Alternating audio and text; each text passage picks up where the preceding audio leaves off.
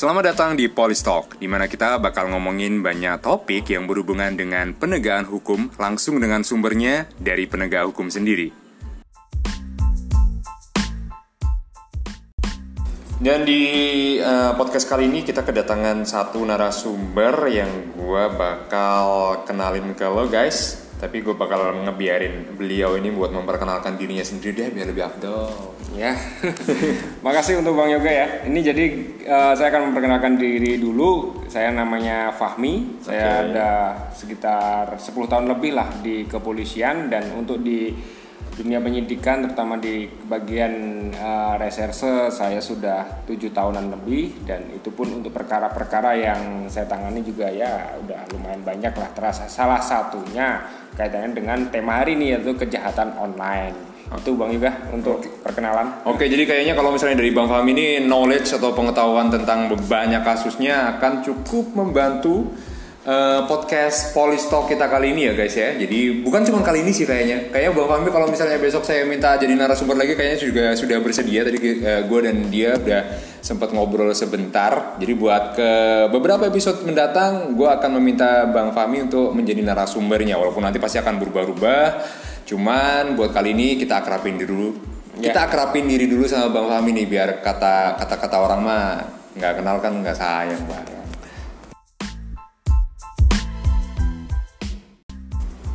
Nah, Bang Fami, kali ini tuh kita tuh, uh, eh, gue sendiri tuh gue pribadi uh, penasaran banget nih, pengen banget nih buat ngebahas satu topik yang sekarang nih masyarakat awam sudah mulai apa ya familiar gitu, sudah mulai um, biasa banget berhubungan dengan dunia ini, yaitu kejahatan online yang berhubungan dengan kegiatan yang kita semua suka nih bang, belanja Ya kan belanja yeah. sekarang tuh nggak cuma ada di mall nih bang, kan belanja kan sekarang kita bisa di Tokopedia, di Bukalapak, Shopee. Jadi untuk hal-hal seperti itu tuh uh, uh, dari masyarakat awam tuh kita pengen tahu nih sebenarnya nih ya buat langkah-langkahnya nih. Apabila terjadi suatu misalnya nih penipuan bang, gue beli yeah, yeah. beli sepatu nih misalnya, gue beli sepatu di Tokopedia nih, nggak tahu dikirimnya eh, kotak sepatunya doang gitu misalnya.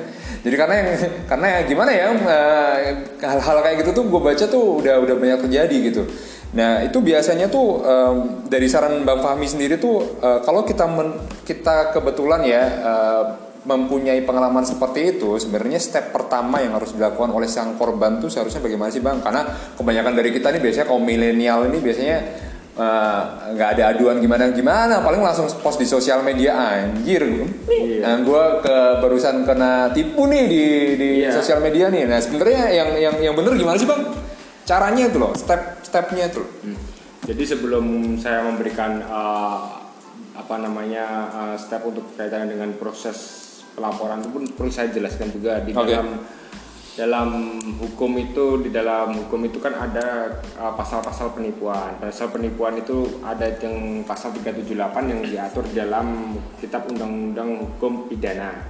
Sedangkan untuk kaitan dengan online sendiri itu sudah ada yang undang-undang yang mengatur kaitannya dengan uh, informasi dan transaksi elektronik itu di dalam Undang-Undang Republik Indonesia nomor 19 tahun 2016 tentang perubahan atas Undang-Undang nomor 11 tahun 2008 tentang informasi dan transaksi elektronik. Nah, di situ ada pasal yang berkaitan dengan pasal apabila kita menerima atau menjadi korban kaitannya dengan penipuan online. Karena itu nanti ada penjelasan-penjelasan apa aja sih uh, uh, transaksi masuk dari informasi elektronik, transaksi elektronik, teknologi informasi, dokumen elektronik itu nanti akan dijelaskan di situ. Dan itu mungkin untuk uh, pemahaman dari uh, Mas Bang juga ataupun teman-teman semua nanti yang mendengar ini semua ya. Dan kaitan dengan tahapan-tahapannya pun yang jelas apa yang harus kita lakukan ketika kita menjadi korban penipuan. Hmm, betul. Yang pasti laporan. Lapor ya? Iya, laporan ke polisi. Mm -hmm. Gitu. Terutama laporan ke polisi, habis itu baru laporan ke pihak bank dan kaitannya untuk ke mengadukan itu bahwa rekening ini digunakan untuk melakukan penipuan. Oh, okay, nah, nanti okay, kan okay. itu kan pihak-pihak pihak bank yang akan melakukan pemrosesan apakah itu bisa diblokir atau tidak nanti adalah pihak bank. Oke, okay, uh, eh, dari syarat aduan itu sendiri apa aja bang? Kalau misalnya uh, eh, gue nih, misalnya gue pengen pengen aduh gue barusan ketipu nih nah ada syarat-syarat tertentu yang harus uh, disiapkan nggak untuk melengkapi aduan itu gitu? Kalau untuk uh, membuat laporan itu kita cukup ada cukup datang aja ya ke kantor polisi terdekat, misalnya ke Polres ataupun ke Polda, Mhm. di mana kita uh, menjadi korban misalnya nih ya di wilayah A ya laporannya di wilayah hukum A ya laporannya di Polda A harus sama ya sesuai lokus dan temposnya juga kita harus samakan lokasi dan tempatnya. Oke, itu pun tadi sudah- istilah-istilah ini nih, Ya, apa bahasa apa? Terus yang ke yang kedua kaitannya dengan ketika sudah kita mendatangi apa saja yang perlu kita siapkan Hah, itu. ada kaitan dengan istilah apa namanya eh, dokumen elektroniknya kita harus bawa misalnya nih Oke. ya, dokumen elektronik itu kaitannya dengan eh, setiap eh, informasi yang dibuat secara elektronik itu menggunakan kaitan dengan tulisan, suara atau gambar. Nah, itu nanti kan itu tercantum di misalnya ini kita bicaranya lewat percakapan dengan pelaku ini lewat WA nih. Nah, itu kita screenshot habis itu langsung kita cetak, kita Cetak. tanda tangani, cetakannya itu kita tanda tangani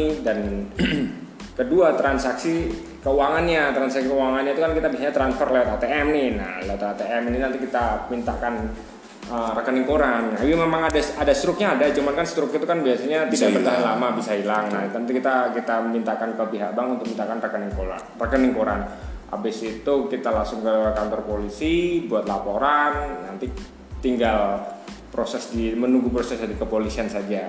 Dan yang kaitan dengan pihak bank itu nanti ada bukti lapornya kita sampaikan ke pihak bank bahwa eh, si ah, bahwa misalnya si A ini telah menjadi korban bahwa saya telah menjadi korban penipuan ini bukti tanda lapornya ke kepolisian. Ini tinggal kita minta aja pemblokiran apakah bisa diblokir atau enggak nanti ada di proses di perbankannya di pihak banknya Mas. Oh bisa berarti ya kalau misalnya kita minta buat memblokir itu bisa ya sebenarnya. Asal dengan kita sudah lapor ke polisi itu tadi bang ya? Ya bisa. Setahu saya bisa. Memang memang itu memang memang itu adalah langkah-langkah. Prosedur juga ya. Ah, langkah-langkah yang harus dilakukan untuk eh, untuk meminimalisir ruang gerak para pelaku eh, kejahatan online gitu kan. Para pelaku-pelaku itu jadi dia biar dia tuh besok tidak menggunakan rekening Yang itu sama, lagi yang sama. Oke. karena itu biasanya rekeningnya rekening yang dia gunakan tuh identitasnya kadang eh, nggak jelas atau gimana itu biasanya dia gunakan identitas orang lain terus Oke, digunakan oke. untuk menipuan bisa seperti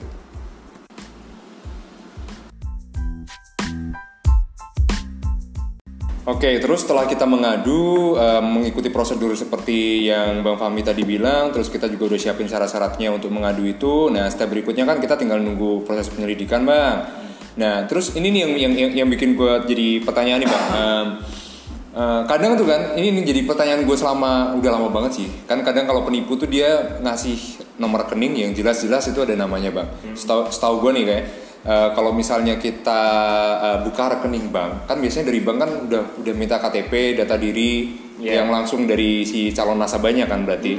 Jadi eh, pertanyaan gue sebenarnya kok kok nggak bisa simpel itu sih bang buat nangkap si penipu kan itu jelas-jelas datanya yang udah dikasihin ke bank itu kan udah data dia gitu artinya memang Iya. walaupun itu mungkin bukan penipu tapi dia punya afiliasi afiliasi sama penipu jadi kalaupun dia bukan penipu pasti dia juga kenal penipunya gitu loh bang itu sebenarnya apa sih yang menghalangi apakah itu susah atau gimana sih bang sebenarnya Jadi kita juga harus melihat juga ya kadang penipu ini, penipu Mhm. online itu juga menggunakan identitasnya orang lain untuk melakukan penipuan. Ah, Misal, oke, uh, ah. dia mendapatkan identitas itu setelah dia melakukan penipuan terhadap si A. Mhm. Nah nanti datanya yang si A ini kok apesnya atau A ini memberikan data, Oh, memberikan data KTP oke, atau apa oke, di oke, foto. Nah itu nanti dia akan digunakan juga untuk melakukan penipuan atau dia sudah mempunyai rekening yang lama, rekening orang lain yang lama tidak pernah digunakan dia gunakan itu. Nah jadi eh, kaitannya dengan eh, kenapa eh, seolah-olah ini kok eh, dalam pem- eh, pelacakan itu Betul. eh, susah atau gimana? Karena memang itu kita tidak bisa langsung menetapkan bahwa pemilik rekening itu misalnya si pemilik, pemilik rekening adalah namanya Andi, Andi. Nah, Betul. Kita Nah, kan- alamatnya jelas nih kan? Iya, betul, betul. Dia pelaku enggak, belum tentu. Oh. Kan dia bisa juga bisa juga dia rekeningnya hanya digunakan oleh si pelakuan gitu kan. Atau dia tidak pernah mempertahankan jadi bisa itu. jadi si Andi itu juga korban bang ya korban bisa makanya banyak sekali itu banyak sekali yang kadang yang pak ini ini pelakunya sudah saya bawa kayak gitu. Heeh. Sebentar kita tanyain ternyata saya Dia tidak- jadi korban tidak tahu Dia ternyata tidak tahu ya, apa. Saya tuh pernah itu. dia tuh karena pernah memberikan identitas saja saya pernah memberikan identitas Mm-mm. foto KTP ada foto STNK atau apa nah itu dimanfaatkan lah Nah, nah itu tuh pertanyaan-pertanyaan saya. Berarti penipu ini lumayan canggih ya untuk untuk step-stepnya itu ya. Kebanyakan untuk um, uh, membuat rekening bank dan lain sebagainya itu bisa jadi data yang dicuri ya bang ya berarti ya. sebenarnya canggih itu enggak ya kalau menurut saya canggih enggak. Memanfaatkan Tapi psikologi orang. cerdik ya cerdik Pinter gitu lah dalam arti gini eh, alat-alat yang digunakan itu simpel sebenarnya Betul. cukup apa namanya HP SIM card kan gitu kan Iya. nah habis itu terus dia membuat akun entah akun di Instagram Betul. atau Facebook untuk Mhm. menawarkan produknya dia setelah itu dia punya nomor WA nah nomor WA itu munculkanlah nomor WA itu transaksi apa namanya uh, percakapannya penawaran penawaran minta alamat minta ini gitu kan dan yang uh, perlu kita ketahui juga sebenarnya pemerintah ini untuk penanggulangan kaitan dengan kejahatan online itu sudah sangat luar biasa dulu kan pernah ada nih dari uh, pemerintah kaitannya dengan uh, menerbitkan aturan bahwa satu NIK minimal tiga kartu kan, Betul, gitu kan. betul, Nah, itu betul. sebenarnya sangat bagus sekali menurut saya karena itu eh, meminimalisir ruang gerak para pelaku untuk Hmm. mendapatkan eh, nomor SIM card yang baru kan. Iya iya iya. Sekarang kan mudah sekali, dulu duluan mudah sekali beli nomor SIM card berapa banyak gitu Buat kan. nipu Terus- semua Iya, gitu dan ya. HP pun HP sekarang kan murah-murah nih yang Iya. bisa untuk Satu bisa dual sim. gitu. Ya, bisa- biasanya seperti itu kan. Betul, nah, betul. karena ada aturan itu, sekarang sudah sudah ruang geraknya sudah Sudah dibatasi. sudah dibatasi. Walaupun sekarang ada aturan terbaru lagi, ke, terakhir saya membaca itu bahwa satu NIK bisa menggunakan beberapa nomor, Betul. tetapi hanya satu NIK kan, gitu kan. Itu Mhm. ada ada aturan itu. Tapi itu sudah sangat luar biasa untuk untuk me- Membatasi ruang membatasi gerak. ruang geraknya para pelakuan itu. Jadi jadi menurut saya seperti itu sih mas. Jadi kalau misalnya memang sudah kejadian seperti itu memang tidak semudah itu guys buat eh, aparat penegak hukum untuk segera menangkap dari pelaku. Karena kebanyakan si pemilik eh, account dari bank bank yang dituju waktu kita transfer itu itu kadang-kadang atau eh, mayoritas itu sebenarnya bukan rekening dari pelaku sendiri. Bisa jadi rekeningnya itu korban juga gitu saking canggihnya seperti itu. Dan tadi si eh, jadi Bang Fahmi juga bilang bahwa alasan kenapa ada aturan pemerintah yang untuk membatasi eh, nomor telepon kita harus mendaftar kalau misalnya kita beli kartu prabayar dan lain sebagainya itu itu juga buat kepentingan kita juga ya bang sebagai warga negara untuk Iya. untuk apa melindungi diri kita juga gitu karena dengan begitu kita membatasi ruang gerak si calon penipu ini untuk melancarkan aksinya Ya. Dan selain itu juga eh, perlu saya tambahkan juga Oke. kaitan dengan eh, rekening juga kan. Mhm. Pihak bank juga tidak semudah itu memberikan data nasabah kan karena memang oh iya betul, dia betul. juga ada rahasia secara rahasia nasabah yang diatur dalam undang-undang perbankan juga kan. Jadi, jadi tidak semudah itu memberikan data karena itu memang berkaitan dengan eh, aturan yang ada di perbankan. Itu juga salah satu jadi kendala. Tapi tapi sekali lagi saya sampaikan kepada Bang Yoga ataupun teman-teman kaitan dengan eh, transaksi online saya harap nanti lebih hati-hati lah. Nanti akan ada tips-tipsnya lah yang akan saya Oke, jadi itu ya sekali lagi ya memang ada beberapa kendala, cuman sekali lagi uh, semua itu juga harus butuh dari kewaspadaan dari masyarakat juga ya mungkin bang ya. Iya, Nah, nanti mungkin ada tips-tipsnya nih berikutnya nih ada tips-tips dari bang Fahmi sendiri nih untuk gimana sih cara transaksi aman gitu misalnya bang ya.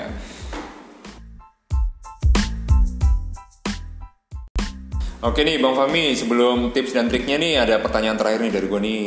Eh, untuk apa namanya? Untuk eh, dasar hukumnya sendiri nih untuk transaksi online ataukah eh, untuk si penipu sendiri nih sebenarnya bisa dikasih hukuman apa sih buat mereka? Apakah itu udah tertuang di undang-undang? Apakah itu ter- eh, Iya, iya. eh, tergantung jenis eh, kriminalnya? Kayak misalnya offline kan kalau misalnya di, di- di dunia nyata orang maling kan udah kebayang tuh bang ininya apa namanya hukumannya. Iya. Nah kalau di online kan orang-orang kadang masih merasa bahwa masih nyepelein gitu loh. Kalau misalnya ah gue gue kan cuma nipu online gitu kan. Iya, iya. Kayak nah itu sebenarnya ada nggak sih ancamannya bang? Jadi, jadi buat buat buat nih ya calon penipu nih ya, ini ada nih hukumnya nih gitu.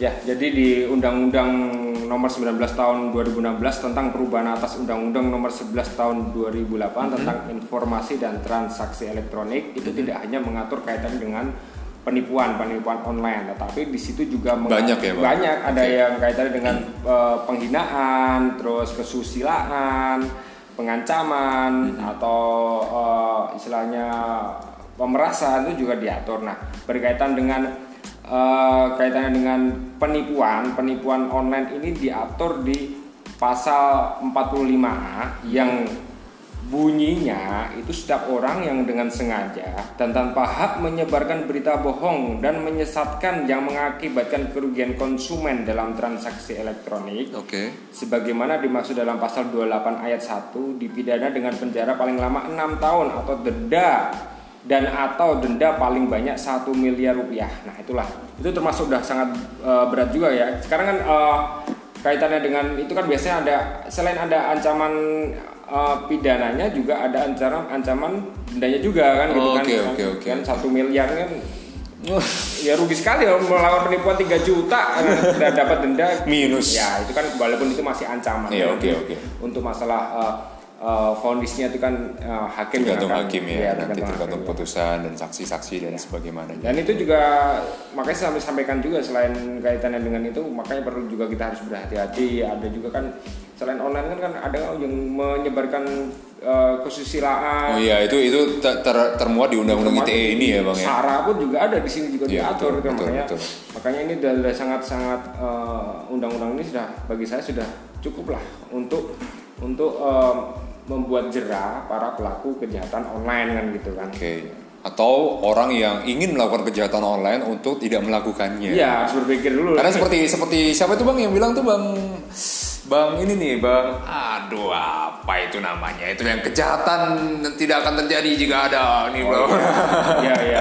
Bang, Nap, bang, bang Napi, Bang Napi.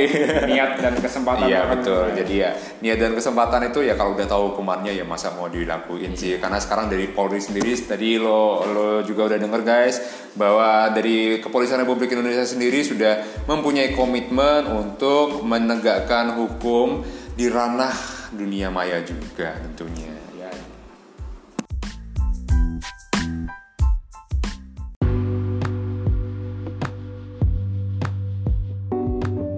Oke nih Bang Fahmi nih kita udah sampai di segmen terakhir nih. Yeah. Sebelum kita pamitan, mungkin dari Bang Fahmi sendiri sebagai aparat penegak hukum terlebih yang sering menangani aduan atau keluhan dari masyarakat perihal belanja online ya kan berdasarkan dari kasus-kasus yang udah terjadi ini mungkin Bang Fahmi sendiri punya tips dan trik atau saran buat kita nih misalnya kita mau belanja online yang aman tuh gimana sih misalnya Bang? apa ya tipsnya sebenarnya ada ada lah ada ya nanti hmm. saya sampaikan juga ini uh, tips-tipsnya itu uh, yang yang pasti kan kita harus hati-hati lah. Nah Betul. dalam hati-hati ini kita mau melakukan belanja online itu kita pertama yang jelas kita lakukan riset dulu nih ke situs web yang kita akan yeah, yeah, belanja yeah. misalnya. Okay. Apakah itu terpercaya atau tidak ya, gitu ya? Misalnya okay. lihat lihat dulu lihat apa namanya testimoninya dari para hmm. pembelinya banyak. Oh ada atau bintangnya biasanya kan ada bintang nih ada bintang satu dua tiga nah bintangnya bisa lima itu. Walaupun itu belum menjamin juga ya, betul, tetapi betul. itu kan setidaknya oh ini dah udah banyak yang yang beli yang membeli yang merekomendasikan juga. Itu yang tips yang pertama. Terus yang kedua baca baik-baik kebijakan situs, situs webnya itu terhadap oh. data pribadinya uh, user ya? user ya.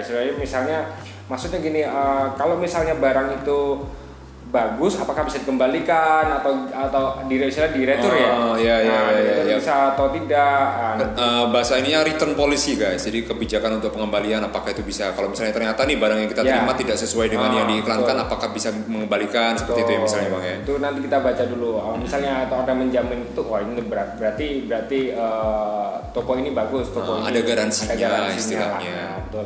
Dan yang ketiga kita harus cermat juga nih Pak. Sebelum memilih barang itu kita baca dulu secara detail barang deskripsi barang itu apa. kan kadang kan oh ini cuma lihat gambarnya aja. Yeah. kan kita tidak bisa kita kita tidak membaca detailnya. Betul. Wah ternyata barang ini seperti ini seperti ini kan kita nggak baca kan tiba-tiba datang lu kok nggak nggak sesuai dengan anu apa namanya yang kita inginkan? Iya jadi gini guys. Jadi kalau misalnya lo lo sebelum belanja sebelum ngeklik buy button gitu ya sebelum ngeklik tombol beli itu lo harus cermatin dulu. Jangan cuma lihat gambarnya lo cermatin deskripsinya. Karena ini biasanya jadi celah buat penipu ya bang ya. Iya, karena juga akan susah juga ketika kita mau mau bikin aduan. Kalau di situ deskripsinya tertulis nih. Misalnya nih guys ya. Iya. lo pengen belanja sepatu nih tapi di gambarnya itu sebenarnya ya uh, sepatu kotaknya sepatu di dalam kotak gitu.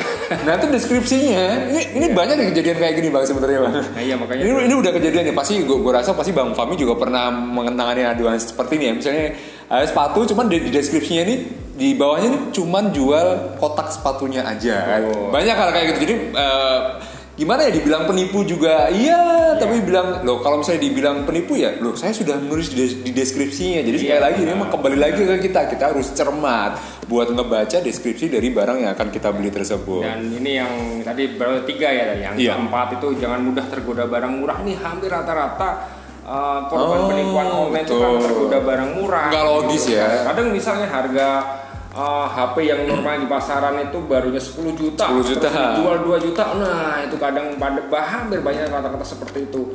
Kepengennya wah dapat barang murah nih ya gitu kan. Jadi jangan sampai tergoda itu. Kita harus juga berpikir uh, secara wajar saja. Wah, ini Nggak barang ini mungkin, kan nggak gitu. mungkin sekali. Kalau misalnya hanya harganya 10 juta kenapa dijual 2 juta? Kan itu tanda tanya besar kan itu kita harus juga hati-hati. Jadi ya kalau barang yang lo pengen beli itu harganya too good to be true ya kemungkinan besar emang itu too good to be true. Artinya Iya. memang kemungkinan besar itu adalah eh, barang yang yang eh, nggak ada bentuknya. iya betul dan yang kelima pertimbangkanlah cara pembayaran Oke. pertimbangan cara pembayaran maksud saya di dalam hal ini apakah ini kita ada pihak ketiga Betul. misalnya uh, Kayak kalau misalnya orang sekarang tuh ngomongnya rekber ya, reke- rekening bersama. Karena bersama misalnya itu oh ini ada ditambung ini dan tidak dikirim tidak barang itu tidak sampai sesuai dengan janjinya kita bisa Bisa langsung minta kembali kembalikan uang dari pihak kita, ketiga tersebut. uh, uh, terus yang tadi berapa kali? Udah, lima ya? lima dan yang terakhir itu setiap kita transaksi simpan bukti transaksi kita.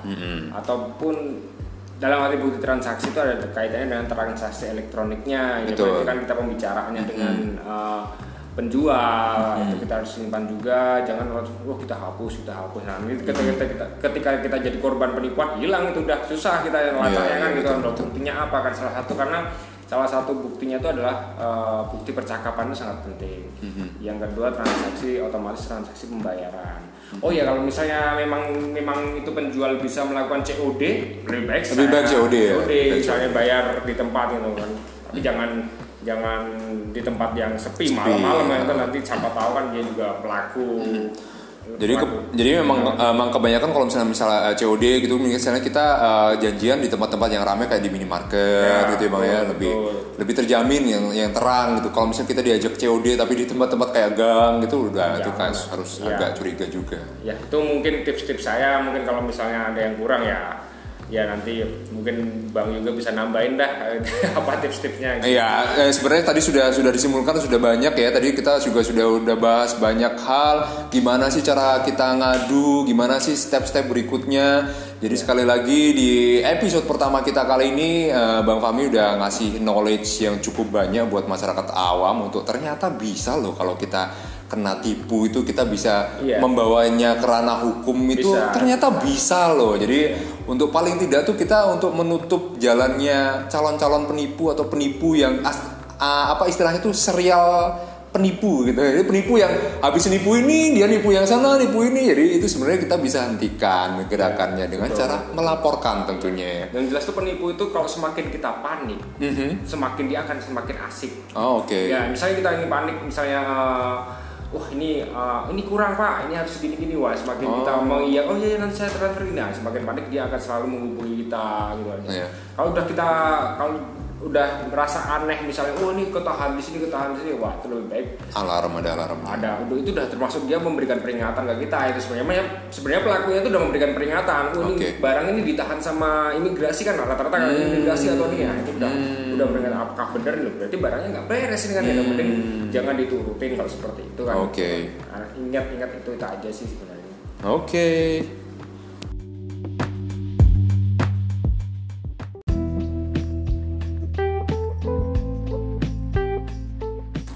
Oke, eh, buat episode perdana kali ini barengan Bang Fahmi udah sampai di ujung segmen kita kali ini guys. Sudah banyak banget kita belajar banyak dari sisi penegak hukum dari Bang Fahmi sendiri dari penyidik kepolisian Republik Indonesia sendiri kita banyak belajar banyak hal yang mungkin sebelumnya cuman kita andai-andai ya cuman kita pengen tahu "Ih, sebenarnya gimana sih kayak misalnya tadi udah gue jelasin udah gue sama Bang Fahmi tadi udah kayak jelasin oh, misalnya tentang bisa nggak sih rekening eh, apa penipu ini kita track harusnya gampang ya oh ternyata tidak semudah itu misalnya ya terus tips dan trik dari bang Fahmi yang barusan lo dengerin tadi juga cukup kira-kira bisa eh, mencegah terjadinya eh, kejahatan online yang bisa menimpa lo. Iya. Jadi eh, sekali lagi terima kasih Bang Fahmi yang sudah sama-sama, Bang sudah Yoga. menyempatkan eh, untuk menyumbang suaranya dan idenya serta pengalamannya yang sudah bertahun-tahun mengabdi kepada Kepolisian Negara Republik Indonesia kita kali ini. Eh, next time kita bakal ngobrol lagi sama Bang Fahmi Iya. buat topik-topik berikutnya. Ya, semoga uh, ke depan kita juga diskusi-diskusi lebih banyak lagi ya, terutama dia tapi uh, sesuai kapasitas saya. Iya. Oke guys, kali ini Polistalk eh, cukup sekian. Mungkin di episode-episode berikutnya kita bakal nyediain topik yang menarik lagi tentunya buat lo semua. Gue sekarang yoga, sign off dulu. Terima kasih sekali lagi buat Bang Fahmi and bye bye.